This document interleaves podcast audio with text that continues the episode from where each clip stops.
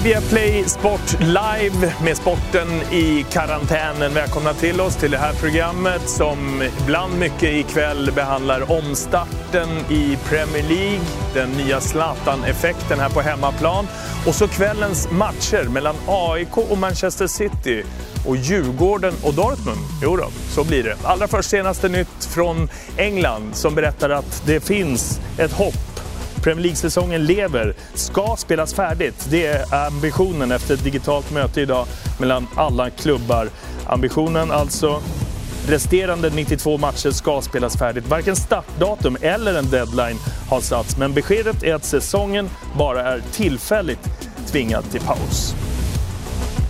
Mer i kvällens Viaplay Sport Live. Premier Leagues eh, comebackplaner. Svenska fotbollschefen i England kommenterar om en liten stund.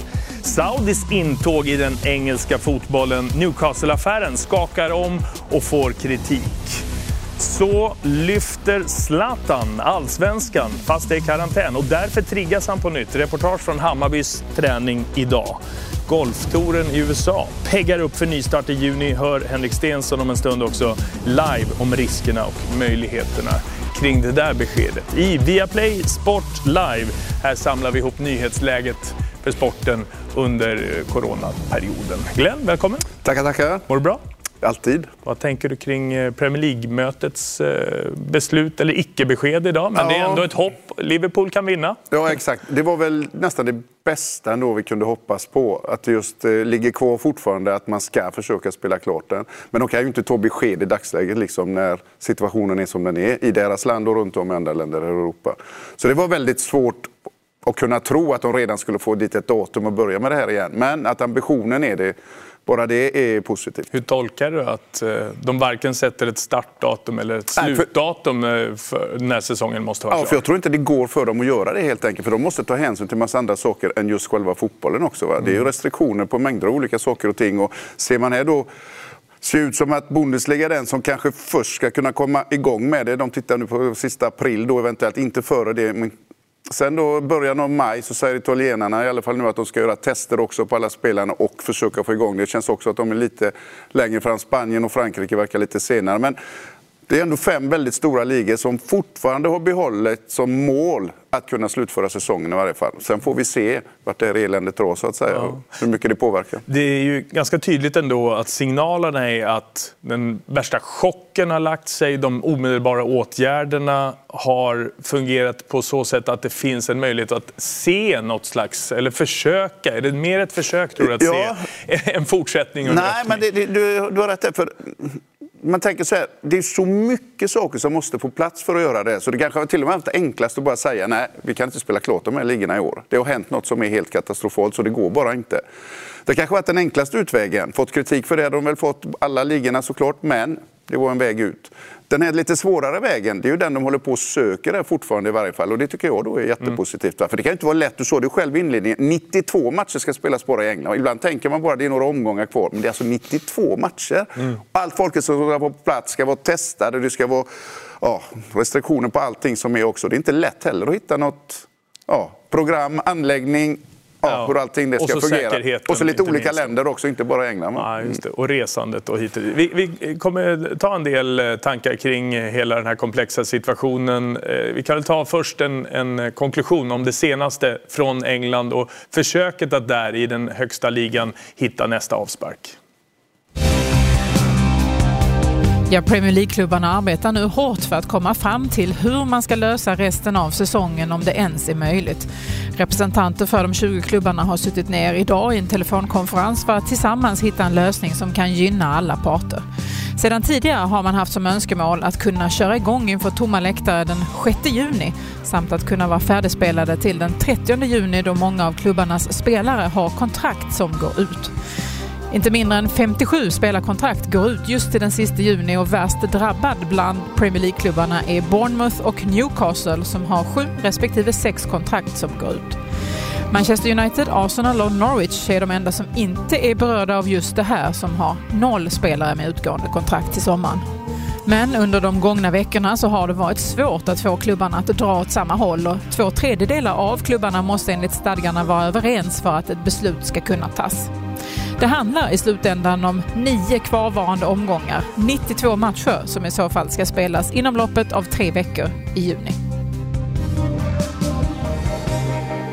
92 matcher, det är en siffra bara bland många tal. Eh, för det är väldigt mycket ekonomiskt drivet att spela färdigt säsongen. Det handlar om någonstans 10-15 miljarder. någonstans där ja. Eh, ni hörde vilket spann det var bara eh, för att få in till klubbarna. Men det, det är där det är. Det är väldigt mycket pengar. Hur mycket mm. tror du är ekonomiskt drivet av att försöka få ihop det här? Man får ju ta det just med det här som vi har när det gäller coronaviruset. Då liksom att hur mycket vågar man pusha för det? För det här är ju varför det pushas framför allt. Alltså. Sen vet jag att några vill vinna en liga såklart. Några vill gå till Champions League och det är några som eventuellt hade åkt ut eller inte åkt några ut. Några vill inte åka ur också. Några vill inte heller vill åka inte ut. Ha spel. Men på det stora hela, när hela den här organisationen som är i ett land när det gäller den här fotbollen så är de här pengarna som ska in till alla klubbarna. De är så otroligt viktiga för dem idag. Det är ju också så här att eh, jakten på det normala finns ju någonstans nu. Vi vill ju ha det som vi brukar ha det. Mm.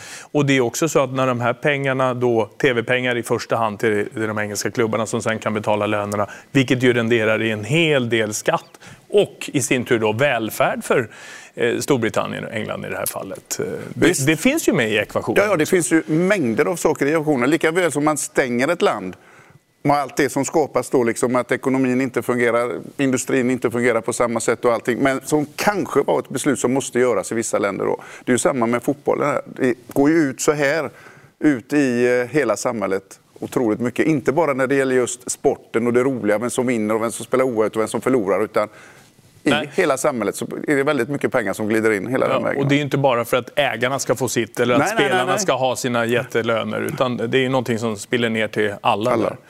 Ja. Eh, vi pratar om England, vi pratar med England också. Vi säger hej till Marcus Kristensson som är fotbollschef på The Guardian. Är du med oss? Hallå där! Hej! Vad skriver ni efter dagens möte? Finns det, det är svårt att sätta en rubrik på det där kanske?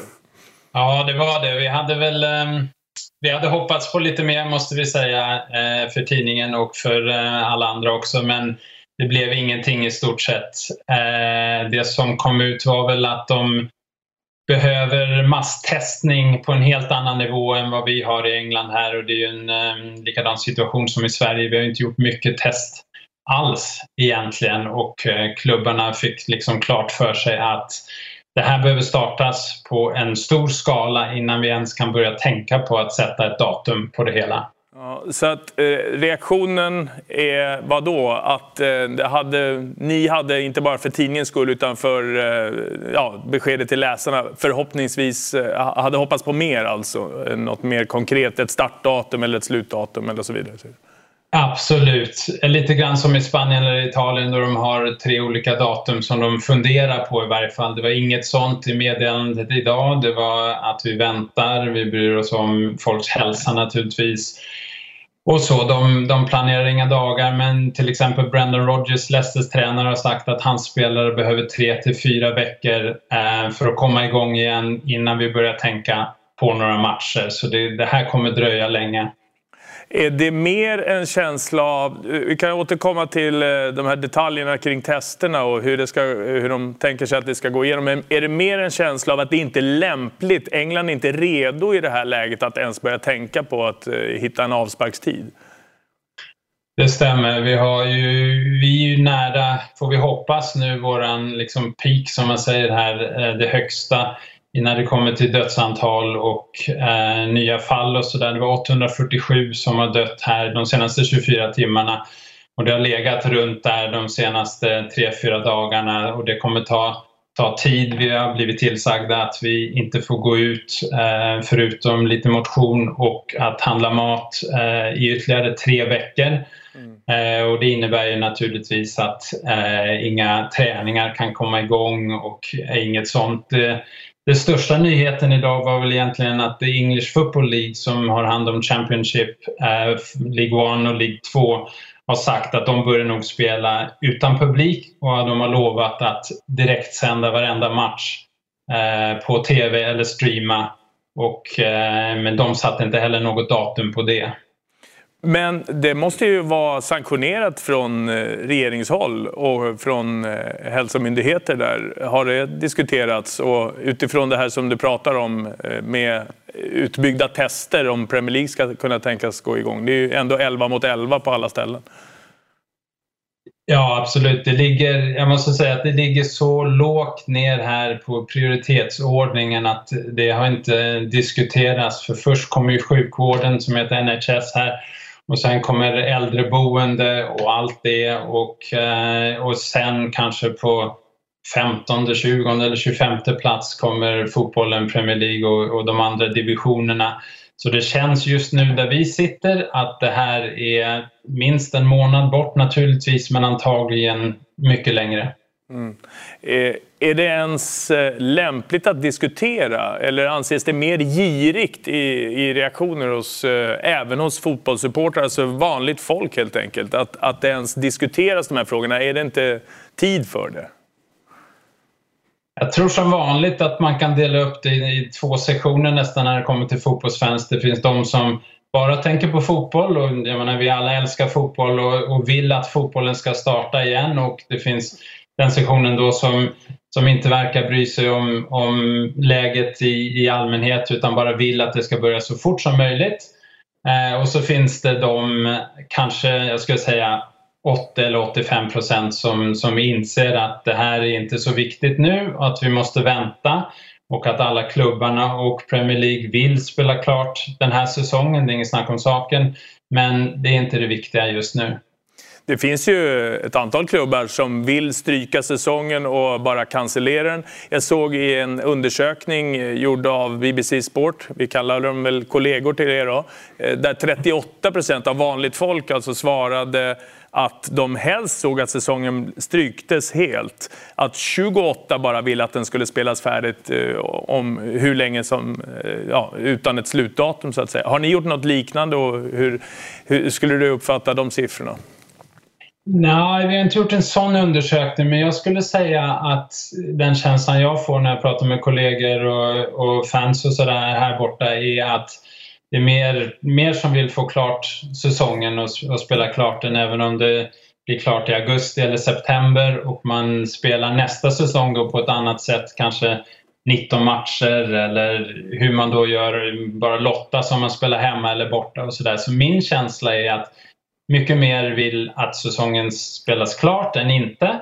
Och att det inte är så många som vill stryka eh, den här säsongen eller sluta den nu så att säga. Och till och med West Ham som först gick ut med att säga att vi, vi, vi, vi um, slutför ligan nu som, som den är och då hade ju de klarat sig så, så har de också gått tillbaks till det och säger att vi vill spela klart. Mm.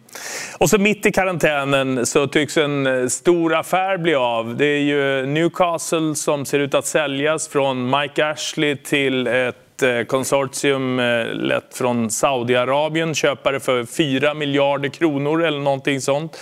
Eh, från en typ av rätt harmlös men ändå kontroversiell ägare till en helt annan nivå på det. Hur är reaktionerna kring det där? Ja, det har också varit stort här borta. Det är ju så att Mike Ashley är så illa omtyckt av många Newcastle-fans att de verkar inte det verkar inte spela någon roll för dem vem som tar över egentligen. Det har varit mycket skriverier här. I stort sett alla fans är jätteglada.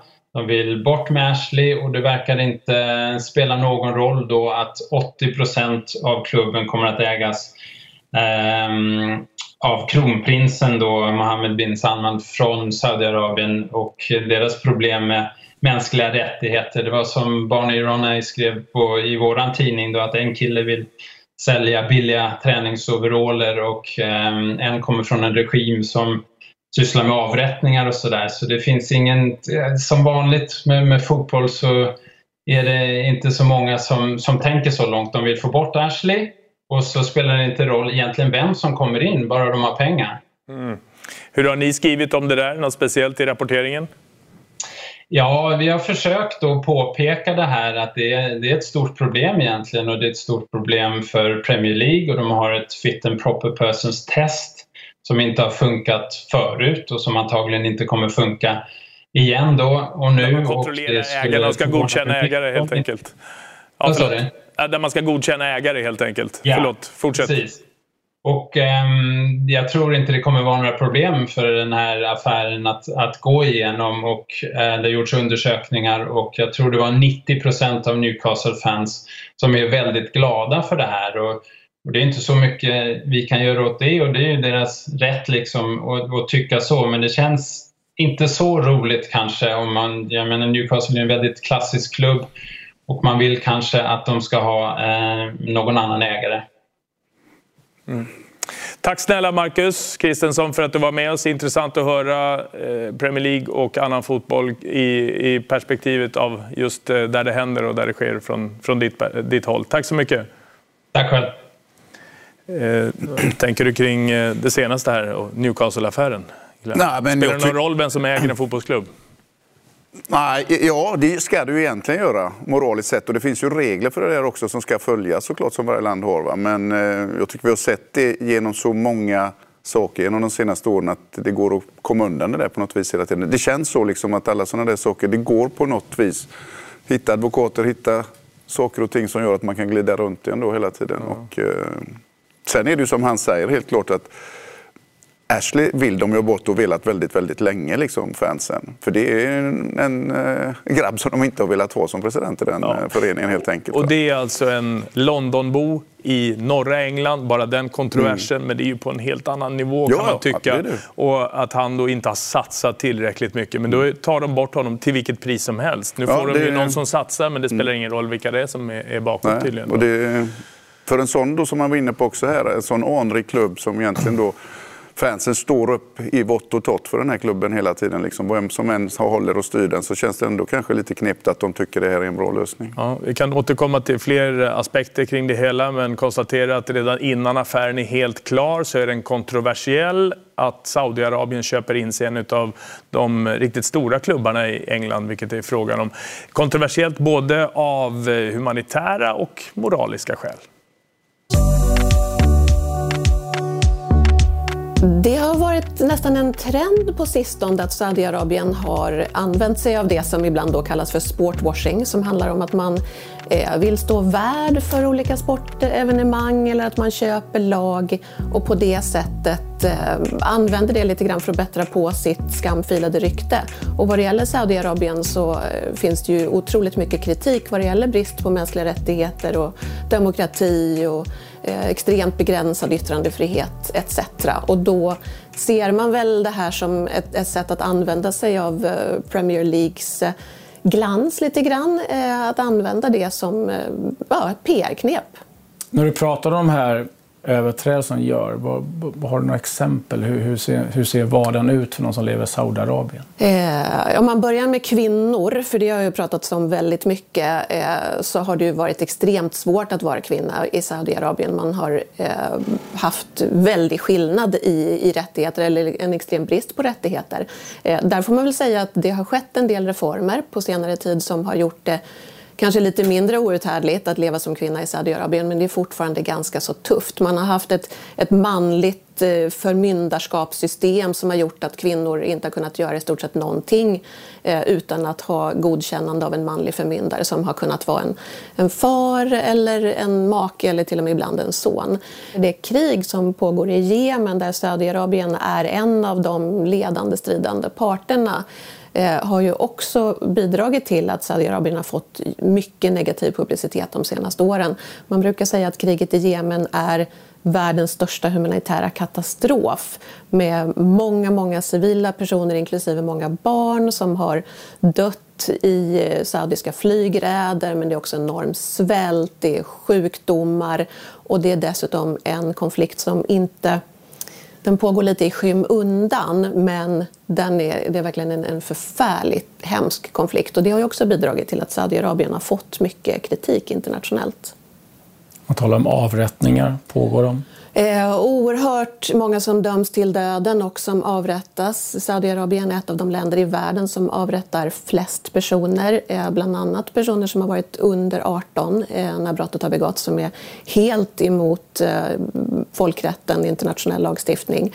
Ehm, folk döms också till döden i väldigt bristfälliga, orättvisa rättegångar där eh, så kallade bekännelser som har framtvingats under tortyr kan användas emot de här personerna. Så det är ett väldigt stort problem i Saudiarabien. Många som är glada nu för de tänker att det kommer in mycket pengar. Eh, moraliskt, hur, hur ser du på hela den här affären om den går igenom? Eh, men det är ju det är ju upp till säljaren såklart eh, vem man vill sälja till men man ska vara medveten om eh, att om man eh, har affärer eller ägs av länder med den här typen av brist på mänskliga rättigheter så kan det få konsekvenser. Men som vi säger till företag generellt, och, och fotboll är ju big business också, det är att man måste veta vem det är som man ger sig i lag med och vad det kan innebära och vad det har för konsekvenser. För det här med, med sportwashing, att, att i det här fallet då Saudiarabien vill få lite av eh, fotbollens glamour eh, och, och gömma bort undan, det kan ju också gå åt andra hållet. Eh, så att laget kan ehm, få dålig publicitet när någonting illa händer i Saudiarabien. Värt att veta om man håller på Newcastle United, vad som är på väg in. Med det sagt, det finns ju väldigt många andra exempel på den här typen av att tvätta sitt varumärke eller en nation till och med eh, runt om i sportvärlden och eh, i Premier League också för den delen. Men ändå värt att veta som sagt. Ja, absolut. Eh, lite reflektion sådär när man har alla sina år man själv hållit på med fotboll så har det ju förändrat sig enormt mycket. Jag säger det alltid under ett VM eller en Champions League-final. Liksom, det sitter otroligt mycket makt i hela världen. Det sitter otroligt mycket av de största företagen i hela världen. Det sitter otroligt mycket pengar just på de här stora eventen när det gäller fotbollen. Liksom. Mm. Och eh, det ökar ju ökar och blir större och större. Um, man har ju en liten sådär kärleksförklaring till fotbollen på den här gamla tiden när jag spelade på det viset att i stort sett så var presidenten i de flesta slag det var en varm, god... Visst, han hade lite mer pengar än lite övriga, kanske i staden eller i kommunen, som gjorde att han kunde ha hand om laget. Men det var fortfarande så att han behövde all publik som gick på matcherna, för publikintäkterna var 80-90 procent. Nu är de fyra till exempel för Atalanta och knappt ja, det. Men det är inte blåbärskungen längre? Nej, exakt. Liksom. nu så finns inte de kvar. Du kommer ihåg Agnelli och visst, han hade stor industri också. Men det var liksom familjen som var bakom det här laget och även fansen och själva staden. De var ett ihop så att säga. Newcastles fans här och bli ägare från Saudiarabien. Men det måste ju kännas att det är, vi är inte riktigt alla ihop när det gäller att göra det här nu för tiden. Vore det inte lägen då för en till största delen manlig publik att sätta sig in i de här frågorna i alla fall? Att ta ställning och att ändå veta om det. Eh, om man nu ska tycka att det är okej okay att stötta det på det sättet eller inte. Eller eh, att eh, det är de här protesterna mot en, ja, en buffelgubbe ja, från, det från London. Mm. Men mycket mer än så är det ju inte. Nej, Visst, det är det ju inte. Alltså det är på en helt annan nivå. Det här är protester som det har varit under flera, flera år ja. i Newcastle. Det stämmer bra det. Han har inte varit populär alls. Eh, kanske första året, men knappt det. Och eh, man tycker man ser mer och mer att de är inte så populära de som äger de här klubbarna längre. För det är inte så många som vet vilka de är egentligen. Jo, de ser ett ansikte som är på tribunen liksom och sitter och ser någon match då och då. Men de har inte den andan och är med och syns på träningar, Nej. på matcher och syns i media ihop med laget som det var förr i tiden. Liksom. Nu är det någon som sitter där uppe bara som har jättemycket pengar och jättemycket makt. Och eller Qatar någonstans ja, här borta. Till Man vet inte riktigt. får lite mer ja. Ja, saker att utnyttja och det gör att man då vinner lite mer matcher och så vidare. Och så vidare, och så vidare. Som Marcus Kristensson pratade om förut, att fotbollssupportrar tänker så kort. Eh, ja, jag skulle vilja säga en annan sak. Håller du med om min den bilden? Egna, ja, min egna erfarenhet är lite grann sådär att när jag tycker jag ser, vi vet ju alla att på de här senaste åren, kanske sista 10-15, så är det alltså, tar en match i England, kan vara 10, 15 000, 20 000 asiater. Det är 5 000 norrmän, 2 000 svenskar. Mm. Väldigt mycket utlänningar som är på de här arenorna. Och det kostar väldigt mycket att gå på de här arenorna. Jag tror att det folket de bryr sig inte lika mycket om vem det är som driver klubben. Fotbollsturismen ja, menar du är inte nej, så De tittar bara istället på hur laget går och hur mycket de kan vinna. Däremot märker jag på att de som inte går på matcherna längre, som får se det på en TV någonstans, de har inte pengar längre att gå på en säsongsbiljett liksom, som de gick för kanske för 30 år sedan. Det är för dyrt för så många nu. Alltså. Det är ett stort problem i England. Liksom. Och de däremot, De har inte velat ha de här nya ägarna. Det vet jag av egen erfarenhet. För när jag träffar dem som är i min ålder som kanske inte går på fotbollen längre men håller lika hårt på sitt lag fortfarande. De gillar inte de här grejerna. Nej. Men de nya som är där inne på arenan tror jag bryr sig om den mindre. Så du menar att de som kommer en bit ifrån, för fotbollsturismen mm. ju, eh, har ju ökat väldigt mycket globalt sett, inte minst i England och Premier League. Där är man inte så noga med var pengarna kommer, bara få vara med Nej, del vet, i ett lag som vinner mycket. Men att de som bor nära, närmare klubben ja. är, är mer ja, mån om vilka, som, var pengarna kommer ifrån. Sen tror jag också att de lite nya generationen fans de flyttas också lite grann efter den spelaren. Han flyttade till det laget och då flyttade de med dit. Han uppträdde på det viset. Han spelade den färgen på dojorna som det var för 20 år sedan när det började och allt sånt där. Liksom. Det gjorde inte den gamle. Den gamle supporten, han hade sitt lag. Och så skällde han på den som var i det laget, eller han tog till sig för de var riktigt bra för laget. Liksom, va? Han flyttade inte runt bara för att en spelare bytte till en annan klubb. Han var ju kvar med sin klubb. Det tycker jag förändras också på den nya generationen fotbollsfans. Det finns de som hejar på Neymar, det finns de som hejar på Zlatan. Går de till den klubben så håller de på den klubben. Det eh, finns en anledning till att jag nämner Zlatan, för det är nästa ämne nämligen. Jaha, du, Han... så fyndig. försöker ibland. ibland blir bättre, ibland sämre. För det händer ju grejer eh, även i stiltjet här på hemmaplan. Med Hammarby tränar Zlatan Ibrahimovic numera dagligen. Och det innebär ju en hel del uppmärksamhet, en hel del att hantera. Samtidigt som den allra allra största är på plats har ändå Hammarby eller någon annan eh, svensk klubb inte ens en enda futtig liten träningsmatch att erbjuda. Men eh, just Hammarby har ju då skarpa kontraster att hantera. Vi tog oss till epicentrum av just kontrasterna i svensk fotboll idag. Nu tycker jag ändå man har börjat hantera det rätt bra. Eh, luften gick ur den där när kuppen ställdes in mot Göteborg. Och man kände att okay, det, det är det här läget vi är i och det är det här vi kommer behöva fejsa. Så jag tycker att det var där det började. Men nu tycker jag vi, jag tycker många är professionella och vi, vi hanterar det på ett väldigt bra sätt. Eh, och så får vi hjälp av den stora mannen också och får lite extra motivation på, på träningarna här. Så än så länge håller vi det bra uppe. Eh, så blir det svårare att, att göra det hela tiden. En utmaning. Sen är ju alla professionella och eh, välavlönade fotbollsspelare så det borde inte vara några problem men det funkar inte riktigt så. Är det inte skarpt läge om match så kommer det märkas på träningar att motivationen inte riktigt är samma. Det är ju Liksom det gäller sig inte att visa upp sig på träningen nu för att spela i helgen, ingen match i helgen. Bara en sån sak eh, gör att kvaliteten kan sjunka. Men eh, vi har ju tagit in ett hemligt vapen för att höja motivationen och det är få förunnat.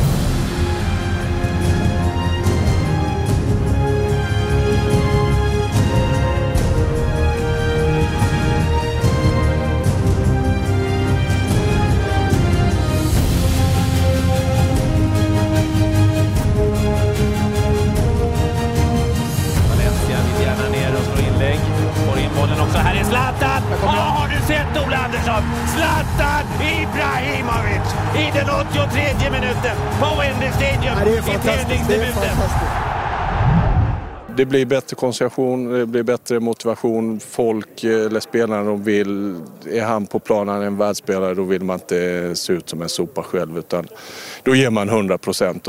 Han kommer hit och ger 100 procent och då drar han med sig de andra. För kan han göra det som är en absolut världsstjärna så fattar våra spelare att det måste vi också göra. Liksom. Så det, det har varit ett jättelyft för oss det har ju smittat av sig, det, det, kan vi bara konstatera att det har. Eh, det är en helt fantastisk fotbollsspelare och, och många här ser upp till, alla här ser upp till honom.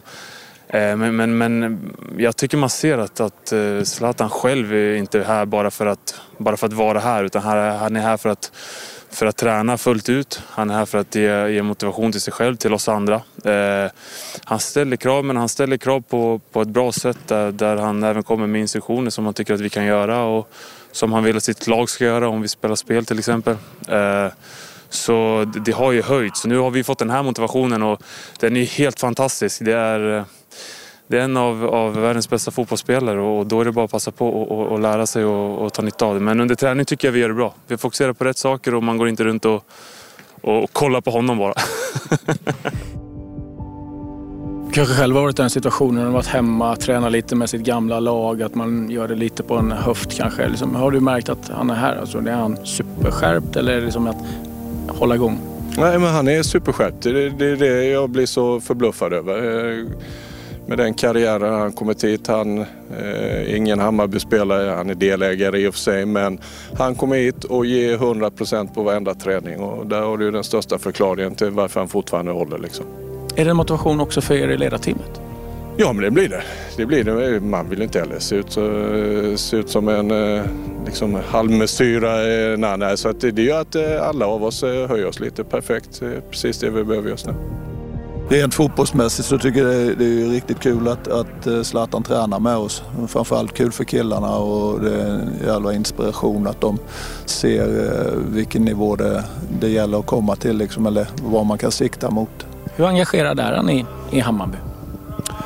Ja men väldigt. Eh, vi pratar en hel del och han vill lära sig, han vill eh, känna av hur vi tänker i klubben och, och sätta sig in från grunden. Eh, så ett, ett härligt engagemang måste jag säga, liksom, hur det funkar, helheten. Så det är kul. Vilka delar är han mest nyfiken på? Ja, men det är faktiskt mycket liksom det här med, med akademi, helheten, hur vi sätter upp, hur vi ska eh, bli bättre på, på, på ja, det vi jobbar mest med egentligen, hur vi ska få, eh, få fram yngre spelare, bygga klubben på sikt och vilka steg vi ska ta. Så det, det är mer helhetstänk. Då. Hur nyfiken är han på, på er och laget? Nej, men som jag säger, hans engagemang är, är eh, imponerande tycker jag. Han, jag har läst lite att, han, att många säger att han redan har kommit in i gruppen och exakt så känner jag också att det är. Eh, han är liksom öppen mot alla och pratar med alla och, och känns som, som en, en i gruppen redan och det är rätt viktigt. Eh, som jag sa, då är han inte bara här för att vara utan han är här av en anledning. Eh, så nej, han, han imponerar på många sätt. Vad skulle det betyda om han skulle signa på? Ja, vi får ta det den dagen. Nej, det, det är såklart man, man har stora förhoppningar om det, men vi får, vi får vara mycket här och nu. Eh, det, det, är viktigt i allt, så vi får ta en, en dag i taget och vi får prestera här varje träning. Sagt om Zlatan i Hammarby och det är alltså inspiration och motivation som är nyckelord när de eh, nu tränar dagligen tillsammans. Det kan man ju förstå. Eh, alla pratar om Zlatan, Zlatan pratar inte eftersom AC Milans pressansvarige är inte på plats. Han tillhör ju fortfarande Milan. Eh, alltså hur, hur knäppt, speciellt, konstigt, häftigt känns det att se honom på svensk mark på det här sättet, i de här kläderna? Ja, exakt. Att han går och, och tränar med dem och sen ordnade ju jag i varje fall att om han väl är där och tränar så ger han ju gärna, han har ju alltid haft den inställningen. Förutom sin eh, spelbegåvning så att säga så har han ju även haft huvudet och viljan. Det i sig är kanske inte så förvånande att han eh, är en tävlingsmänniska som är Nej, men den triggad. behöver man ju också den biten om du ska bli en av världens absolut ja, bästa menar, spelare. Så det är inte så förvånande. Nej, nej, men att han visar den fortfarande i den här åldern och han kommer aldrig att ändra på det tror jag heller. Jag tror han är lika intresserad av mm som Jesper berättade om, om klubben också. Och sen måste han hålla igång lite grann för han kanske ska spela igen. Ja. Du, hålla igång lite grann. Claes Andersson som var där och gjorde reportaget på träningen eh, fick kika mot slutet här när de gjorde sprintlopp, tre stycken eh, avslutningsvis till halva plan.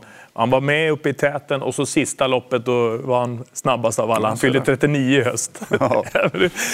Blir det något? Finns det något? Eller är det bara alltså, att han självklart eh, söker upp den klubb som eh, han har närmast kontakt med på sin hemmaplan när han nu är hemma i karantän och ja, sen det, ska det känns ju helt logiskt. Liksom. Och han är gärna här i Stockholm liksom, och det är ju en klubb i Stockholm. Så det, det tycker jag inte är något konstigt alls. Eh, vad det skulle betyda för svensk fotboll och för Hammarby såklart att man skulle börja spela det förstår ju alla att det är enormt. Va? Berätta. Ja, nej, men det, går ju inte att ta i liksom. Va? Det är ju sådär stort så det fanns ju inte på tavlan för en månad sedan liksom, eller att man trodde på något sånt här. Och jag tror inte på det heller om jag ska bara gå från min egna magkänsla. Men jag har alltså absolut ingen aning. Det enda jag vet är ju att om han inte vill tillbaka till Milan så är jag helt övertygad om att det beror på honom själv i sådana fall. För Milan tar gärna emot honom. Liksom, det spåret är inte kört Nej. fast. Zvonimir Boban är borta, han som var med och Det, det kan det finnas en liten gren som fortfarande håller kvar. I och med att Maldini inte fick gå. Det var väl tänkt så när Bobban gick så skulle Maldini också få gå för de kom ju ihop då för att starta något nytt i Milan. Så kom ju det här coronaeländet och allting och han är kvar ändå och så vidare. Men jag vet att han måste ha mycket mer makt och kunna styra mycket mer än vad han fått göra hittills om han ska fortsätta. Och tror jag båda de två försvinner, Bobban har ju redan försvunnit, Mm. Då i alla fall det jag har hört och sett att han säger i Gazettan där nere så är det liksom att eh, hur man har behandlat de här två ja. ikonerna. Liksom, va? Nej, då känner jag inte riktigt lika mycket för det. För det var de som fick hit mig egentligen. Ja. Det är ändå svårt att se hur eh, eh, Zlatan-slut ska bara bli någon slags eh, pyspunka. Man vet ju att han vill ha ett slut när det ska ta slut. Han vill ju ha den punkten, tror man. Av allting annat, och, alltså, trivselfaktorn i Italien är en och Milan, mm. känslan för den. En, en annan, när det nu inte av en eller annan anledning har blivit någonting mer med Malmö FF utan väldigt mycket mindre, att han istället då har valt en konkurrerande klubb, vilket har lett till reaktionerna, ni vet ju med statyn och näsan och på den den och så vidare. och så vidare.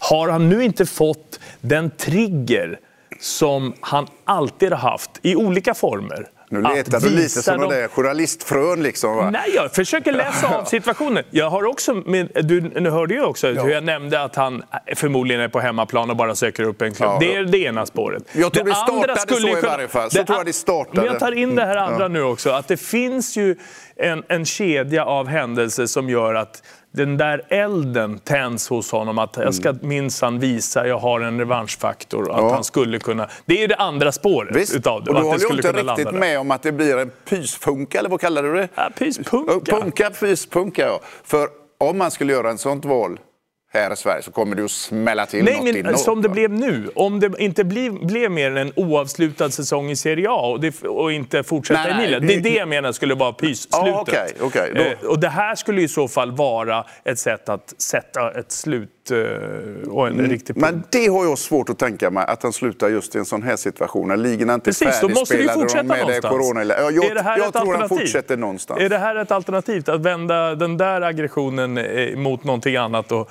inte, och hitta slutet i Hammarby och Jag tror inte det var det för någon månad sedan, Nej, men kanske mer idag.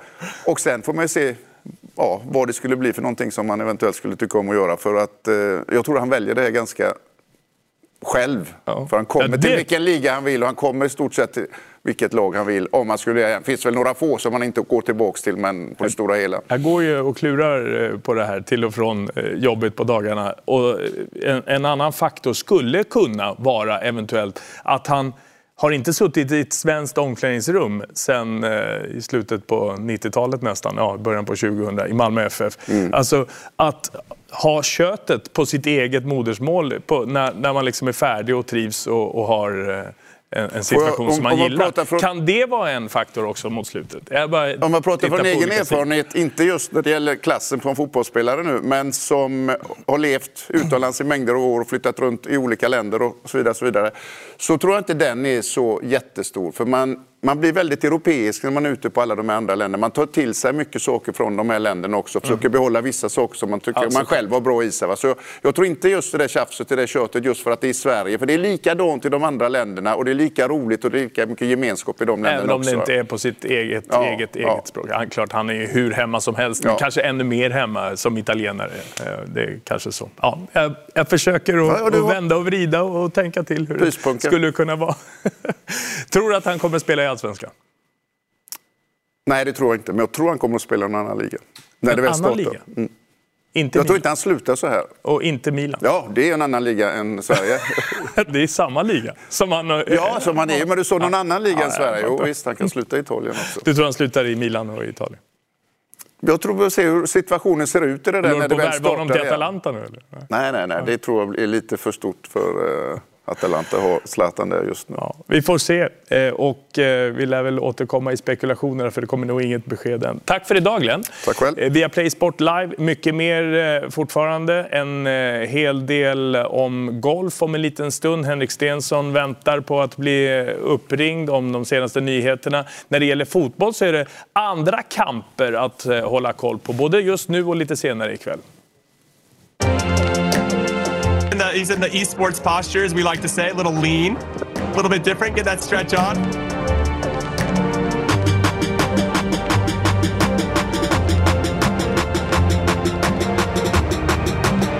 in that final third the skill moves that the guys were talking about and maybe this will be the first chance of the game and first chance first goal the confidence from yesterday well Bernat has experienced a lot in real life but Clover He's going to be the one who gets the opening goal. He steals it away from Bernat.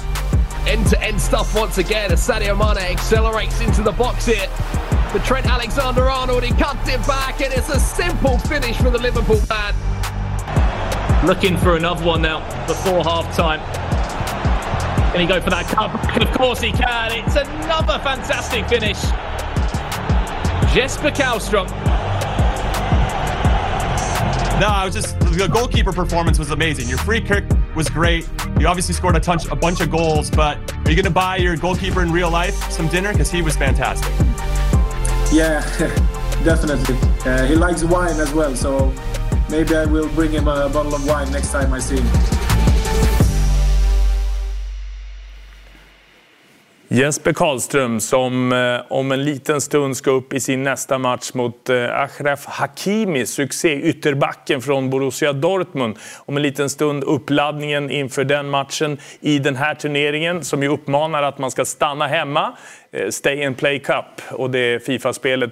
Där alldeles nyss Nabil Bawi har besegrat Phil Foden. AIK har slagit ut Manchester City på det här sättet genom att Stefan Silva gjort det avgörande 2-1 målet. De är lite uppgraderade så de kunde svara upp mot eh, 1-0 målet till exempel från Sergio Agüero. Men eh, eh, det räcker alltså för eh, Nabil Bawi att eh, fortfarande finnas med i den turneringen där Jesper Karlström nu laddar för match. Stör vi mitt i uppladdningen? Eh, inte riktigt än, den, den börjar snart.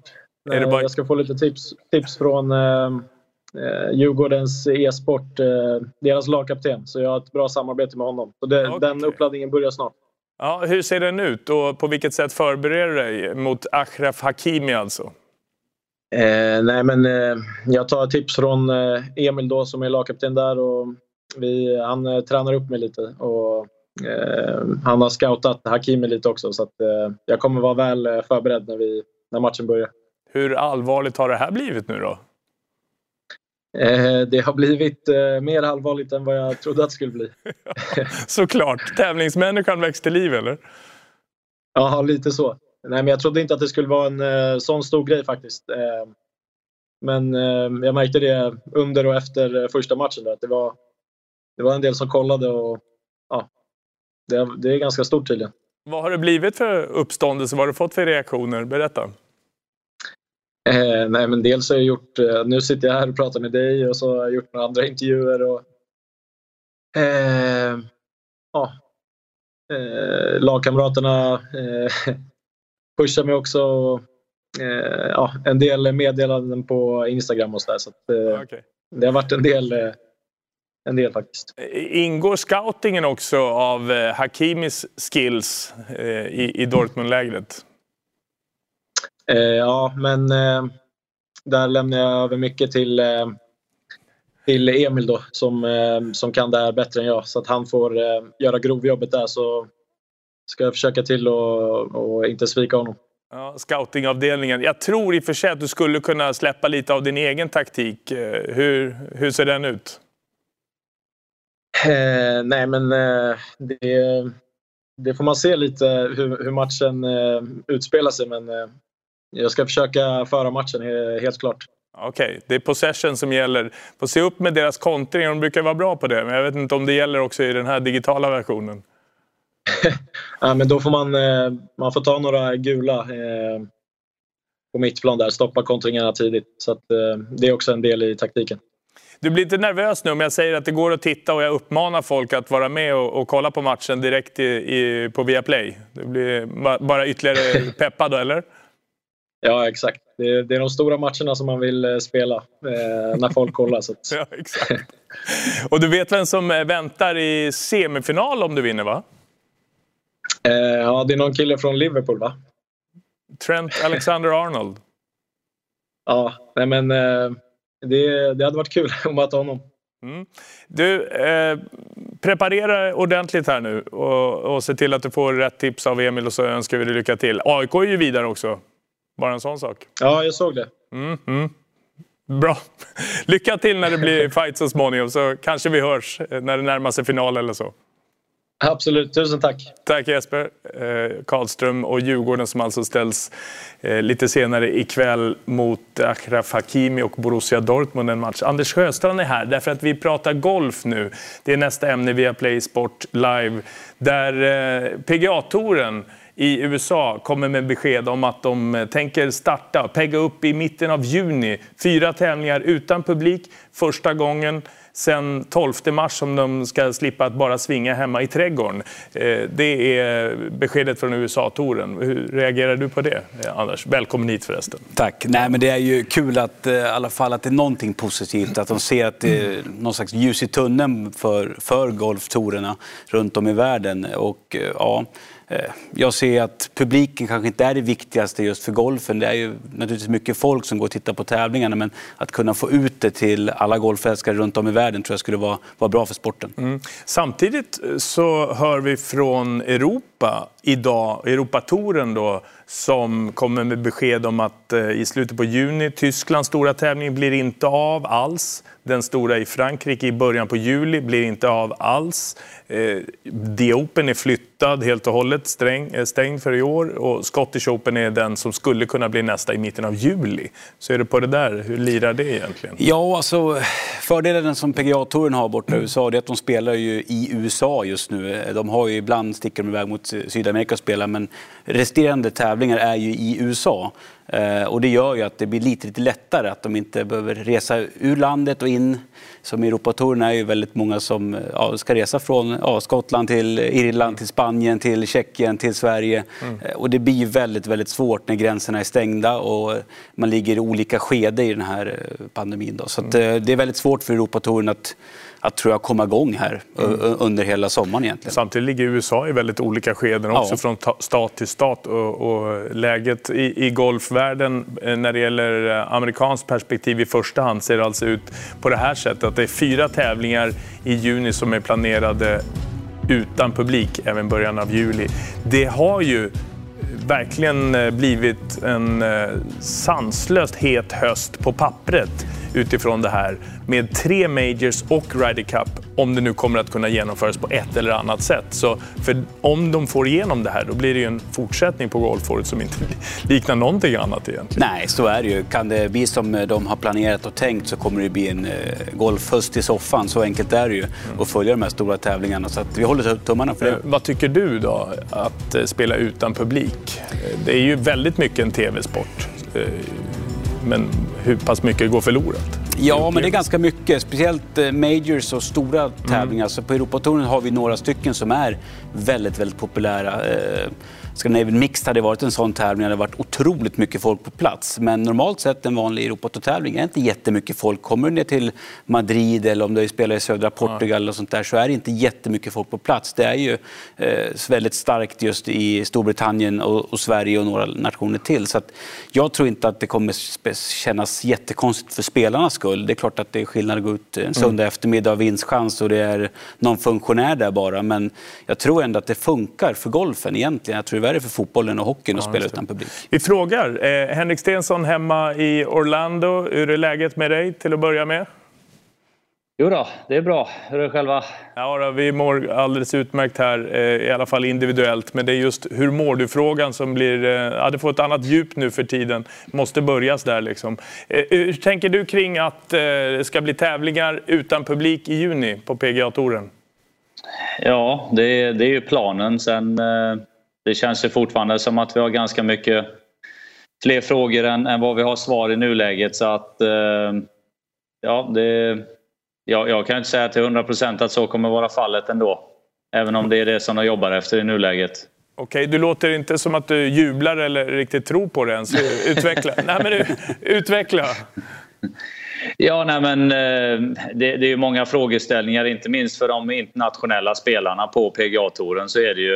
Ehm, du, du sa ju att vi har olika eh, grader här in, eh, på coronasmitta eh, i olika stater. Tävlingarna går ju uppenbarligen i olika stater. Spelare bor i olika stater men, men du har ju ett uppskattningsvis kanske 25-30 spelare och 35 caddies som bor på andra ställen i världen också. Kommer de kunna resa till de här tävlingarna eller är det tough luck om man befinner sig utanför USAs gränser när touren drar igång. Så att, ja, det, det är ju definitivt saker att, att kolla på. Sen har vi ju eh, följdfrågor med världsrankingen är fryst i, i nuläget. Kommer den att starta upp när PGA-touren drar igång? Eh, även om Europatouren nu då inte kommer att starta upp förrän kanske två månader senare. Så att eh, då har du ju har du olika scenarion där. Sen har du Ryder Cup, kvalificeringen som är två listor. En på Europatour tävlingarna som spelas och, och, nästa är ju världsrankingen, poängen som dras in då över, över världen.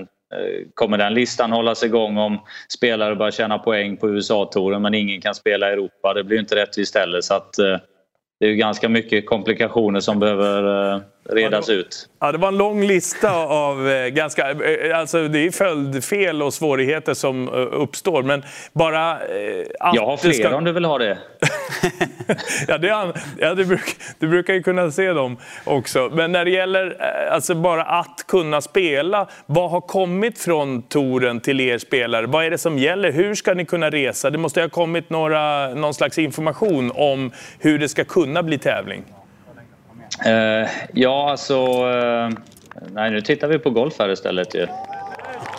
Det känns som att den här kan gå i till och med. Ja, jo, jo. Den gick i i somras. Visst. Ja, ja, okej. Okay. Mm, mm, mm. Jaha, var det en repris? Ja, ja. Var det en repris? varför, varför han varit i vattenhinder där och grejer? Ja, ja. Uh, nej, men eh, så långt har jag faktiskt inte fått information i nuläget. Uh, vi fick ju det här schema, planerade schemat i, igår. Jag såg att det ligger något e-mail. Jag har suttit eh, två timmar committee meeting här på morgonen med, med Europatorens eh, spelarkommitté. Eh, gått från det ena till att spela in meddelanden om att Stensson Sunesson Junior Challenge-tävlingen inte kommer bli av här till sommaren. Så att ja, det, det, det, rör sig en hel del ändå här, även att vi är lediga från spelet. Så jag, jag har faktiskt inga bra svar på på hur de tänker att spelare ska kunna resa och ta sig mellan tävlingar och testning och allt vad som kan eh, vara aktuellt också. Så att eh, givetvis spela utan publik är ju till viss del avslaget. Det går ju aldrig att komma ifrån. Eh, spelade en världstourtävling i Shanghai där vi fick spela färdigt på en måndag och det inte var någon som var där. Det, det känns ju... Det, det blir inte alls den, den feelingen. Sen så är vi ju mycket en tv-sport också folk sitter ju hemma i karantän och i tv-sofforna och vill kunna titta på någonting så att det, det fyller ett stort syfte ur den, eh, ur den synpunkten. Mm. Alltså bara sådär utan att ta detaljerna. Tror du och vill du spela, eh, att det blir spel och att du skulle vilja spela i juni i, i Texas till att börja med? Om, eh, om det känns säkert att göra det och till viss del om vi spelar utan publik så är det väl eh, någonstans att det inte är säkert för alla att, att vistas på, på samma ställe. Sen förstår jag att vi vill komma tillbaks till någorlunda vardag på många olika sätt så, så fort som möjligt också. Så att eh, eh går det så, så ser jag att, att jag är där och spelar på, på Colonial om, om vi kan dra igång då. Det tror jag.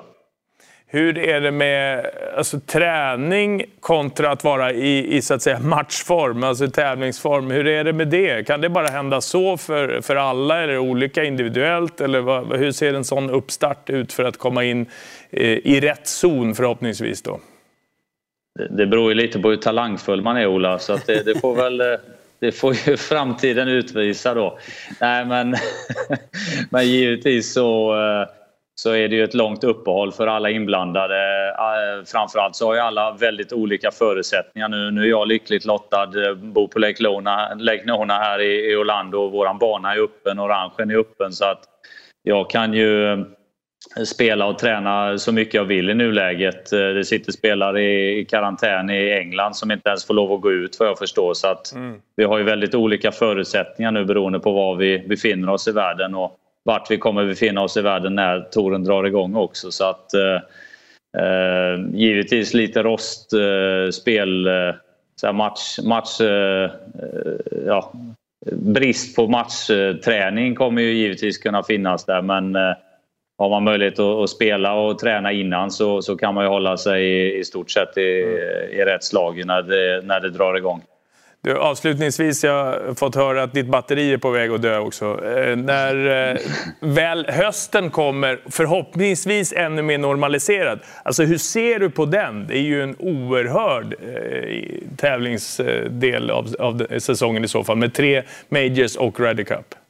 Ja, helt klart. Eh, PGA-touren har ju förhoppningen nu att, att kunna avsluta med ett FedEx Cup-slutspel och sen drar ju nästa säsong igång direkt och, och då ligger ju egentligen alla de här stora tävlingarna i, i höstschemat nu då istället som skulle legat på, eh, på sommaren flera av dem. Så att eh, det, det, blir intensivt och eh, ja, jag håller med vad er diskussion tidigare också. Det blir ju, blir ju trevligt för, för fansen att titta på så mycket stortävlingar under, under hösten. Det är vi inte vana vid. Så att, mm. det, det, det, ser vi verkligen fram emot och givetvis hoppas vi att vi kan vara tillbaka i det läget att, att vi kan spela och, och röra oss fritt och vara redo för de veckorna. Mm. Eh, hoppas att det blir säkert och att ni kan pegga upp så småningom. Vi är sugna på att se dig och alla andra. Tack snälla för att du var med oss och att batteriet räckte också Henrik. Ja, det var tur va? Ja, Sköt om er. det gillar vi. Tack snälla. Hej. Gäller, tack, hej. När det gäller golfen så kan man ju känna i det här läget att eh, det är ju ändå några meter emellan och väldigt mycket som är ändå inne, även om, om publikfaktorn försvinner så skulle ju golfen då kunna liksom finnas där och, och, eh, fylla ett stort tumrum och kanske till och med ta steg i uppmärksamhet under den här perioden. Eh, vad tänker du kring det Anders? Absolut, det är ju, eh, de har ju den fördelen att man är utomhus och man behöver inte vara speciellt nära varann. Så det är en jättechans för dem också om de kan få igång det lite tidigare alltså än många andra idrotter. Just att få kanske nya golfare till att titta på det på TV och bli intresserade och när allt det här är över förhoppningsvis så komma ut och testa på sporten. Så att det, det finns ju en bra möjlighet för dem att få få chansen att visa upp golfen. För normalt sett så är golfen väldigt styrd av golfare. Det är inte så mm. många som Nej. tittar på golf som inte spelar golf. Ja, eh, och det finns möjlighet kanske att få in den publiken lite mer om man kan komma igång lite tidigare än de andra idrotterna. Mm. Och även eh, på amatörnivå så har jag förstått att svenska golfklubbar känner att det här finns det ju läge att ta tillbaka ganska mycket förlorad mark och, och spe, antal spelare. Att eh, det är ju ändå en utesport i det här läget som skulle kunna funka i stora delar eh, även under en karantänliknande förhållanden. Absolut. Jag jobbar på en golfklubb här utanför Stockholm. Hur ser det ut där då? Eh, nej, det är fullt med folk. Alltså det, men folk är väldigt, väldigt duktiga tycker jag på att ta det här på allvar. Alltså att eh, man byter inte skårkort med varandra som man normalt sett gör. Eh, man sköter sig, man håller avstånd i klubbhuset eh, och de här sakerna. Men det är fullt alltså på parkeringen. Det, och jag läste lite grann också om hur mycket spel det har varit här under den här våren. Ganska tidig vår, en mild vinter gör att banorna är otroligt bra kondition. Så att spelet har ökat enormt på svenska golfanläggningarna. Och sen är det ju tyvärr så att många som har tappat jobbet och mm. kanske inte jobbar lika mycket som hinner spela. Plus att man kanske inte åker iväg till sina lång, långa destinationerna, för det går inte. Så att golfklubbarna har mycket folk eh, och vi får se nu under sommaren då, om det kan hålla i sig och, eh, och de kan få en liten boost av golfen i Sverige. Aldrig kommer vi se så bra närspel som under den här sommaren hos folk. Alltså. man hoppas ju det, att de tar tillvara på den här våren då och jobbar på närspelet. Ja. Tror du att eh, även golfen i elitskiktet kommer att lösa de här som låter som detaljfrågor i det stora hela när vi pratar om liv och död och att vi pratar om eh, rankinglistor. Jag förstår att Henrik eh, är, väldigt mycket i det och hur ska det fungera när en tour spelar och en annan inte. För det är ju deras levebröd och det handlar om ranking och var man ska eh, få, i vilka tävlingar man ska få spela och, och, och kvalificeringar och så. Jag förstår att det är, är, frågor men det känns ju ändå på detaljnivå. Tror du att de kommer att liksom lösa lösa de här bitarna? Ja, det är det som är det svåra egentligen. Eh, ja, om man ska titta på när det ska bli spel på olika torer. Det är att det ska bli så rättvist som möjligt. Att mm. man ska tävla på lika förhållanden. På världsrankingen, för Ryder Cup och alla de här olika rankingarna. Så det, det, det, är ett jobb att göra och det är jätte, jättesvårt. Alltså det, eh, ska vi prata om de eh, bitarna så får vi förlänga programmet en timme liksom, för att det är så komplicerat. Mm. och det måste bli rätt, för annars blir det orättvist. Och, då, och det, det vill inte spelarna ha. De vill ha ett rättvist system som fungerar för alla. Vad tror du? Eh, är det här bara en förhoppning som PGA-touren kommer med? Eller tror de på det på allvar? För Henrik lät ju inte riktigt övertygad. Om jag, jag tror att tolkar honom. Hur tolkar du honom? Nej, men jag tolkar ungefär som du gör. Ja. Alltså jag, jag har svårt att se att, att de kommer komma igång så pass tidigt ändå. Eh, även i Europatouren när de stryker tävling för tävling. Jag har svårt att se att de också kommer komma igång till Scottish Open i början på juli. Alltså det, det, jag, ja, vi gissar allihopa ja. och spekulerar, men eh, vi försöker förhålla oss till det vi, det vi vet och får veta. Eh, hur ser du på det? När, när skulle det kunna vara eh, golfbollar i, i rullning? Ja, tittar man på Europatouren så avslutas den i november. Eh, och jag personligen tror ju att de kommer ha svårt att få igång någonting förrän kanske september. Mm. Eh, och då är det väldigt kort tid kvar. Då är det frågan hur många tävlingar ska ingå på Race to Dubai som är rankingen som de mm. eh, spelar för. Eh, hur ska man göra där? Måste man komma upp i ett visst antal starter? Sen är det inte bara de som ska vinna Race to Dubai, det är de som ska behålla spelrättigheterna till året efter. Att ge dem en ärlig chans. Det finns spelare som bara spelat fem sex tävlingar på Europatouren i mm. år för att de inte kommit med mer. Så där blir också frågorna hur man ska göra. Jag hade kanske sett att de skulle försöka hitta på någon ny lösning, att man gör en minitour någonstans och spelar några tävlingar i rad, till exempel Mellanöstern, för de är ju där väldigt mycket. Just det, på ett koncentrerat ja, ställe. Och få till någonting, för jag, jag, jag tycker att Europatouren eh, ja, det, det, blir svårt för mig att få ihop en full Race to Dubai-säsong. Och det är även för eh, Henrik då, som pratade om Felix mm. Cup, slutspelet där. Att det avslutas ju mycket, mycket tidigare än vad det mm. brukar göra för att de gjorde om schemat förra året. Så att, äh, de har otroliga... Ja, de, har, de har svårigheter att få, att få till det här. Onekligen många aspekter. Det här är några utav dem och det gäller även här. Vi får se. Tack snälla Anders Tack. för att du kom för att diskutera golfen, alltså som eh, ändå har som ambition ifrån USA-tid att eh, öppna för spel i mitten på juni, då utan publik. Eh, ingen publik eh, annat än digitalt hade Nabil Bahoui när han eh, för en liten stund besegrade Phil Foden. Men det var ändå AIK mot Manchester City och eh, en 2-1-seger. Berätta om matchen och segern, eh, Nabil. Ja, tjena. Eh, jo, eh, jag fick lite samma känsla som min förra match. Det kändes som eh, andra motståndarmålvakten fick Super Mario-stjärna och jag bara missar och missar och så kommer ett mål i baklänges. Liksom. Så det var okay. lite den känslan jag fick. Men det var, Foden styrde ju upp Agüero såg vi till 1-0. Vad, vad hände där i försvaret egentligen? Nej, jag har ett... Uh, jag, jag försökte trixa lite med mittbackarna och lägga Linkvist som mittback. Så att eh, det, det höll inte, så att jag bytte efter en minut. Så det går fort, du vet. Du är en hård manager alltså. Det går och fort sen, i fotboll. Och så lyckades du få Stefan Silva till eh, segerskytt och tysta hela Islands, eller vad ni nu spelade på bortaplan kanske. Eh, och så går, ni vid, går du vidare på det här sättet. Hur ser du på, på den här turneringen och den här matchen? Jo, men det är kul liksom. Eh, nu i och med att det inte finns någon fotboll på tv så att jag har fått så många samtal och alla är så här, det här är närmaste vi kan komma fotboll. Så det är ju kul på det sättet. Sen, eh, sen eh, ja, som fotbollsspelare så vill man alltid tävla, så det är kul. Lyon eller Atletico? Vem vill du möta? Gimenez eller Joao Felix? Det spelar nog inte så stor roll. Eh, jag siktar faktiskt på final och i final kommer förmodligen Bröndby vara där och de är riktigt vassa. Men jag har något som väntar för han också. Men du, är det inte en match i taget? Har vi lämnat det? Hallå? Nej, nej. jag ser inte över någon. Men jag, ja, man, man siktar högt. Sen får vi landa någonstans mitt emellan om du förstår. Okej. Okay. Hur pass mycket tränar du det här egentligen? Nej, men det blir ju mycket nu med fotboll alltså blir det ju tyvärr mycket eh, så kallad återhämtning. Och eh, då när man är hemma så blir det någon, någon timme kanske om dagen. Du, eh, hur viktigt har det blivit för dig? För vi hörde Jesper Karlström tidigare som ju laddar för, för match senare ikväll och det går ju att följa på Viaplay alltså. Hur viktigt har det blivit för dig? För han var väl inne i det här nu alltså. Nej, men det är inte så viktigt om jag ska vara helt ärlig. Det är mer att man skojar jag har hört att man kan ja, till och med betta på det. Uh, och det, det och må, många tar det seriöst. Liksom. Så att, uh, det är kul att det är så stor inverkan i och med att all sport är ner, ligger nere nu. Uh, så ma, det är lite kul så här bara. Lite extra kul bara. Hur ser det ut annars då? Själva den riktiga fotbollen, den analoga, där du måste göra jobbet på ett annat sätt. Hur ser det ut nu för dig och er?